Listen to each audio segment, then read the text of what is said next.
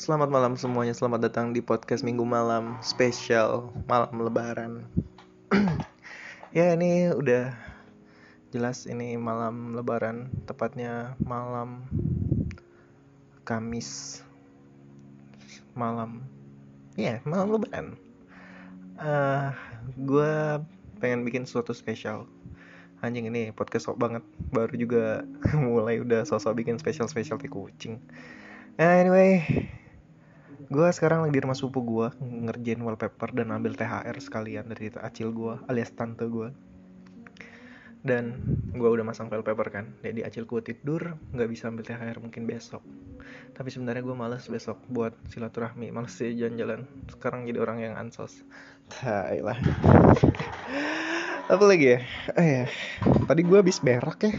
Habis masang wallpaper langsung berak langsung dapat inspirasi inspirasi gitu Nggak, ini udah beberapa hari sih. Yang ada beberapa yang udah mau kubahas beberapa hari yang lalu dan ada yang barusan muncul ketika habis berak. Gelat. Hmm, WC itu tempat mencari inspirasi. Thinking room bahasa Malaysianya. anyway, gue adalah anak jurusan hukum di Universitas Borneo Tarakan. Ya, dan di situ ya pasti belajar hukum tentang segala hal tentang hukum. Dan salah satunya tuh korupsi. Dan kemarin tuh ada salah satu dosen di di kampusku ngajar kan secara secara lewat zoom. Dan dia ngomong kalau korupsi itu hmm, sulit diberantas. Kita tuh hanya bisa ngikutin peraturan-peraturan yang udah ada. Tapi ya peraturan itu udah ada ada yang sampai mengerikan hukumannya tapi nggak akan bikin di dalam otak gue tuh itu nggak bakal bikin para koruptor jerah. Karena ya nggak akan jerah kalau belum ada yang kena hukuman yang berat atau hukuman yang sampai menghilangkan nyawanya. Oke lah mari kita kita uh, bahas tentang ham oh, mereka nggak bisa dibunuh karena mereka uh, punya ham mereka punya hak untuk hidup. Dan kalau kita menghukum mati mereka kita mengambil hak mereka dan itu melanggar HAM. Kita ini harus membela HAM. HAM ini udah banyak pelanggaran yang di Indonesia buat tai kucing lah gak ada koruptor tuh nggak pantas hidup. Gini lu bayangin men. 2018 kalau nggak salah utang Indonesia tuh 4000 triliun oke? Okay? 4000 triliun. 2021 pas pandemi ini utang kita sampai 6000 triliun. Lu bayangin itu naiknya sampai 2000 triliun. Gila kali. Oke okay lah apa uh, pemasukan negara kita besar uh, dari macam hal kayak uh, uh, macam-macam. Pokoknya dari kayak pemasukan uh, PGB wah I'm forget it. Gue bukan anak ekonomi tapi jelasnya yang, yang, jelas negara kita punya banyak uh, pemasukan. Oke okay. tapi lu bayangin utang segede itu pasti berdampak dong ke masyarakat. Kalau kalian nggak sadar itu sangat berdampak ke kita. Kenapa? Ya utang yang banyak berarti perlu uh, pemasukan juga bertambah dong kan? Dan salah satu caranya adalah menaikkan pajak. Kalau kalian nggak sadar ini belakangan ini nih pajak tuh makin gila tau. Kemarin gue kan belajar cryptocurrency juga. Katanya kripto tuh mau dipajakin. Anjing gak sih? Bayangin kita nih cuma berusaha kaya sedang belajar setengah mati dengan cara yang baru. Tapi dipajakin gila kali. Masa kayak gitu juga mau dipajakin sih? Gue nggak nggak abis thinking aja gitu. Pemerintah memajakin cryptocurrency. Itu yang di mana bahwa uh, transaksinya tuh sangat aman. Karena ya karena dia menggunakan sistem uh, chain uh, smart chain whatever it is. Pokoknya itu sangat aman dan sangat terinskripsi dan dikerjakan oleh banyak graphic card. Yang mana di yang mana itu adalah digunakan oleh para penambang penambang kripto. Yang kayak gini mau dipajakin. Bayangin ini masalahnya kenapa? Kita udah ini yang seperti yang gue bahas bahwa ini masalahnya ya dari koruptor. Koruptor ini harus dihukum berat supaya yang lain jerah. Ini pasti banyak orang brengsek di luar sana yang hidupnya masih enak. Jangankan di luar sana yang bebas. Yang di dalam penjara pun masih enak hidupnya. Anjing gak sih itu? Lu, lu bayangin lah hmm, papa tersayang kita si ketua DPR RI uh, eh, no uh, siapa ya namanya siap novel bukan. Anis bukan. Ah pokoknya itu ketua DPR RI yang dihukum karena korupsi dana iktp sampai 2 triliun kalau nggak salah. Uh, lu pikirin yang kemarin aja yang pandemi itu bansos itu cuma kurang lebih 20 miliar kalau gua nggak salah ingat. Ini 2 triliun dia cuma dihukum. Dan itu nggak lama loh hukumannya itu sekitar berapa walaupun dia udah dimiskinkan tapi tetap aja nggak akan bikin orang jerah dan lu bayangin 2 triliun itu dia nggak mungkin kerja sendiri. Dia pasti ada ada orang-orang di selanjutnya yang membuat uh, dia bisa mendapatkan 2 triliun tersebut. Kayak dan orang-orang itu pasti bebas karena mereka harus ada yang satu ditumbalkan. Nah itulah si si ini si ketua DPR ini. Uh, orang-orang yang kayak gitu selama orang-orang itu masih enak hidupnya maupun dia di penjara yang disuka miskin yang katanya adalah penjara para uh, penjara yang pokoknya penjara yang dijaga pasti hidupnya bisa enak. Dan yang kayak gitu nggak akan bisa. Negara kita akan tetap jadi bobrok kalau korupsinya nggak hilang. Emang ini anjing sih. Gue nih kayak orang-orang di internet yang oh korupsi koruptor matiin koruptor tai. Tapi ya kalau kalian uh, mikir kalian tuh itu ada benarnya. Kalau di kalau dikaji secara komprehensif negara kita memang bobrok gara-gara koruptor. Oh bayangin men. Saking itu bukan cuma dari pusat ya. Kan DPR RI itu kan pemerintah pusat. Ini belum lagi di pemerintahan daerah. Itu itu yang mana KPK sangat anu ya nggak mungkin mencakup semua ya untuk menangkap para koruptor yang membagi uh, proyek pembuatan aspal.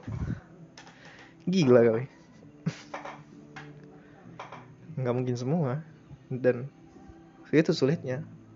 Kalau para koruptor masih hidupnya senang negara kita tetap bobrok. Dan rakyat makin susah. Ini lama-lama negara ini bakal hancur. Percaya sama gue nah gue juga bingung ngapain gue belajar hukum? Tapi ya gimana ya? Gue suka bacot sih. Makanya ini podcast di gue buat karena gue untuk melatih berbicara gue ketika gue jadi lawyer pengacara gue udah terlatih. Karena gue nggak ada tempat untuk bicara panjang. Jadi gue bikin podcast sendiri. Gitu pak. Ya basically semuanya karena gue suka bacot. Tapi ya gimana ya gue berharap ada faedahnya sih bacaan gue kalau nggak ada ya maaf.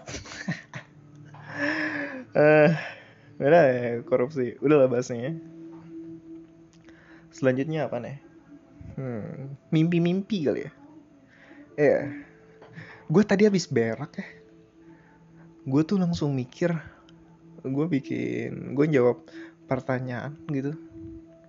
Pertanyaan question di Instagram cewek yang lagi gue PDKT-in masa lalu lu kesalahan apa yang terbesar yang lu buat? Setelah gue pikir-pikir ya kehidupan kesalahan terbesar dalam hidup gue tuh nggak ada. Kesalahan terbesar hidup gue tuh uh, beras kesalahan terbesar yang gue ciptakan atau yang gue buat di dalam hidup itu bukan karena gue sendiri tapi ada pengaruh dari luar. Misal Gua sekolah di SMK 3 Tarakan. Gue dulu, gue alumni di sana. Di SMK itu, gue sebenarnya nggak ada tertarik mempelajari. Gue di sana tuh, by the way, gue tuh di sana jurusan perikanan. Gue tuh nggak ada tertariknya sama ikan ikan. Gila kali gue suka sama ikan ikan. Uh, tapi gue terpaksa sekolah di sana karena pada masa itu uh, orang yang mendaftar dengan jalur luar kota tuh sangat sulit yang bisa dan apa ya jumlahnya jumlah yang diterima tuh terbatas. Di STM, SEMEA, SMA, SMA 3 semua sekolah-sekolah yang gue targetin untuk kuliah sekolah itu nggak nerima nggak bisa nerima. Karena yang dari luar kota yang siswa lain itu nimnya lebih tinggi daripada gue padahal SMP nim gue tuh yang paling tinggi di sekolah. Teman gue SMP sekarang ada yang kuliah kedokteran. Gila sih gue mikirnya mimpi-mimpi gue uh, kalau gue uh, tidak tidak masuk di SMK 3 gue by the way gue tuh melarikan diri dari kota gue sebelumnya yang SMP di mana gue melarikan diri karena gue diusir sama mak gue gue nggak gue bingung sih. Gue juga gue udah lupa juga salah gue apa. Gue pokoknya mak gue selalu bilang mending gue pulang ke tempat bapakmu sana jadi diulang-ulang terus kan sakit dong pikiran digituin sama mak sendiri. Akhirnya pergi lah gue padahal gue tuh udah berusaha menjadi orang anak yang baik. Dari SD tuh gue suka nolong emak gue jualan kue ketika emak gue baru cerai sama bokap. Gue keliling-keliling jadi anak yang baik berusaha menjadi anak yang baik. Uh, tapi enggak pas SMP gue diusir semua basically semua anak-anaknya mak gue pasti dia pernah usir. Adik gue yang kedua kakak gue yang kedua adik gue yang keempat kakak gue yang kedua kakak gue yang pertama. Gue pernah diusir. Nggak tahu anak yang kelima kayaknya belum. Nggak tahu bakal diusir apa enggak hmm kalau misalnya mak gue nggak ngusir gue misalnya gue nggak diusir mungkin gue bakal masuk SMA anjing gue banyak banget yang ngomong gue ya ampun. Intinya aku bakal masuk di salah satu salah satu SMA favorit di Malinau. Dan di sana pasti aku bakal masuk di IPA karena gue pintar. Karena aku ini pintar men. Sumpah. Kalau ada yang nggak percaya ya lah SMP aja nimku yang paling tinggi men. Gila kali. Aku bakal masuk ke SMA yang populer yang favorit. Dan di sana masuk SMA IPA mungkin kalau gue nggak diusir uh, masuk IPA dan di sana gue akan berkembang jadi seseorang dan gue bakal tertarik di ilmu kedokteran karena SMK it, itu aku tertarik sekali sama ilmu kedokteran. Gue tuh belajar bagi apa tentang uh, penyakit-penyakit gitu. Uh, basic dari antibiotik bagaimana sejarahnya punya ketertarikan. Mungkin mungkin. Kalau gue nggak diusir sama mak gue gue masuk di SMA di SMA 1 Malinau SMA negeri 1 Malinau yang mana itu favorit mungkin gue bakal lanjut ke kuliah kedokteran dan mencari beasiswa. Dan gue misalnya didukung mungkin gue bakal masuk ke dokteran sama kayak teman gue yang di SMP yang sekarang dia udah kuliah kedokteran. ah, masuk kuliah kedokteran cari beasiswa. Seandainya waktu tuh gue nggak diusir gue nggak akan masuk. Karena uh, eh, gue pas SMK ya ketika di zamanku itu eh, nggak uh, bisa.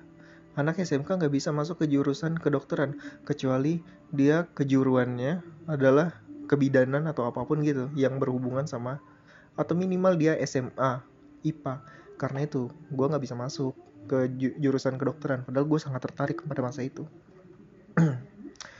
Pupuslah harapan gue untuk masuk ke jurusan kedokteran. Kalau enggak ya mungkin gue bakal jadi dokter yang hebat sih.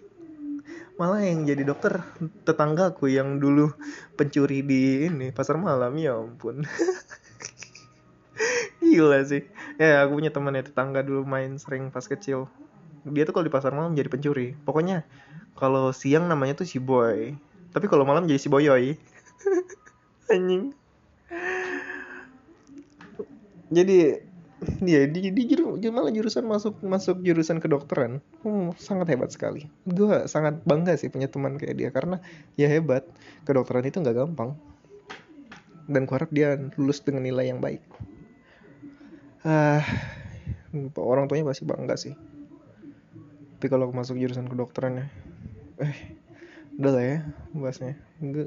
Gue karena gue nggak bisa ngerubah masa lalu gue tuh udah positif. Dari SMK aja gue selalu positif. Ya udahlah masuk jurusan ke juru, jurusan ke perikanan. Untung ya gue suka belajar.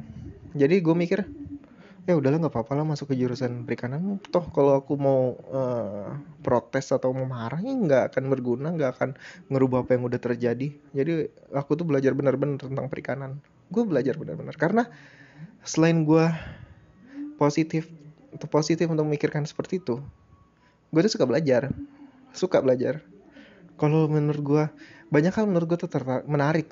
Kayak bagaimana misalnya di perikanan bagaimana kami harus mencampurkan berbahaya bermacam-macam bahan untuk mendapatkan uh, komposisi yang pas agar pertumbuhan ikan atau benih itu bisa cepat berkembang biak dan tumbuh besar. Menarik gitu pelajaran namanya aku tuh suka belajar. Jadi ya walaupun aku nggak suka ya aku tetap belajar. Karena aku tahu apa pun yang aku pelajari saat ini pasti akan berguna di masa depan.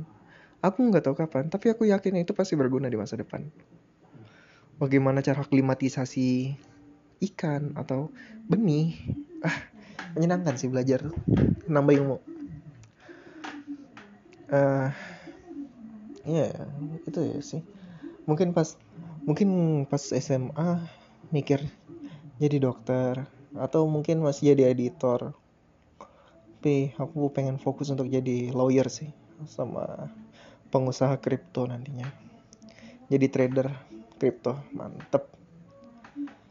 Uh, ya udah itu aja ya kali ya ah enggak lah. Sampai kasih 20 menitan lah ya. Paling enggak. Gila. Apa lagi ya? Um, hmm, ya mimpi-mimpi udah.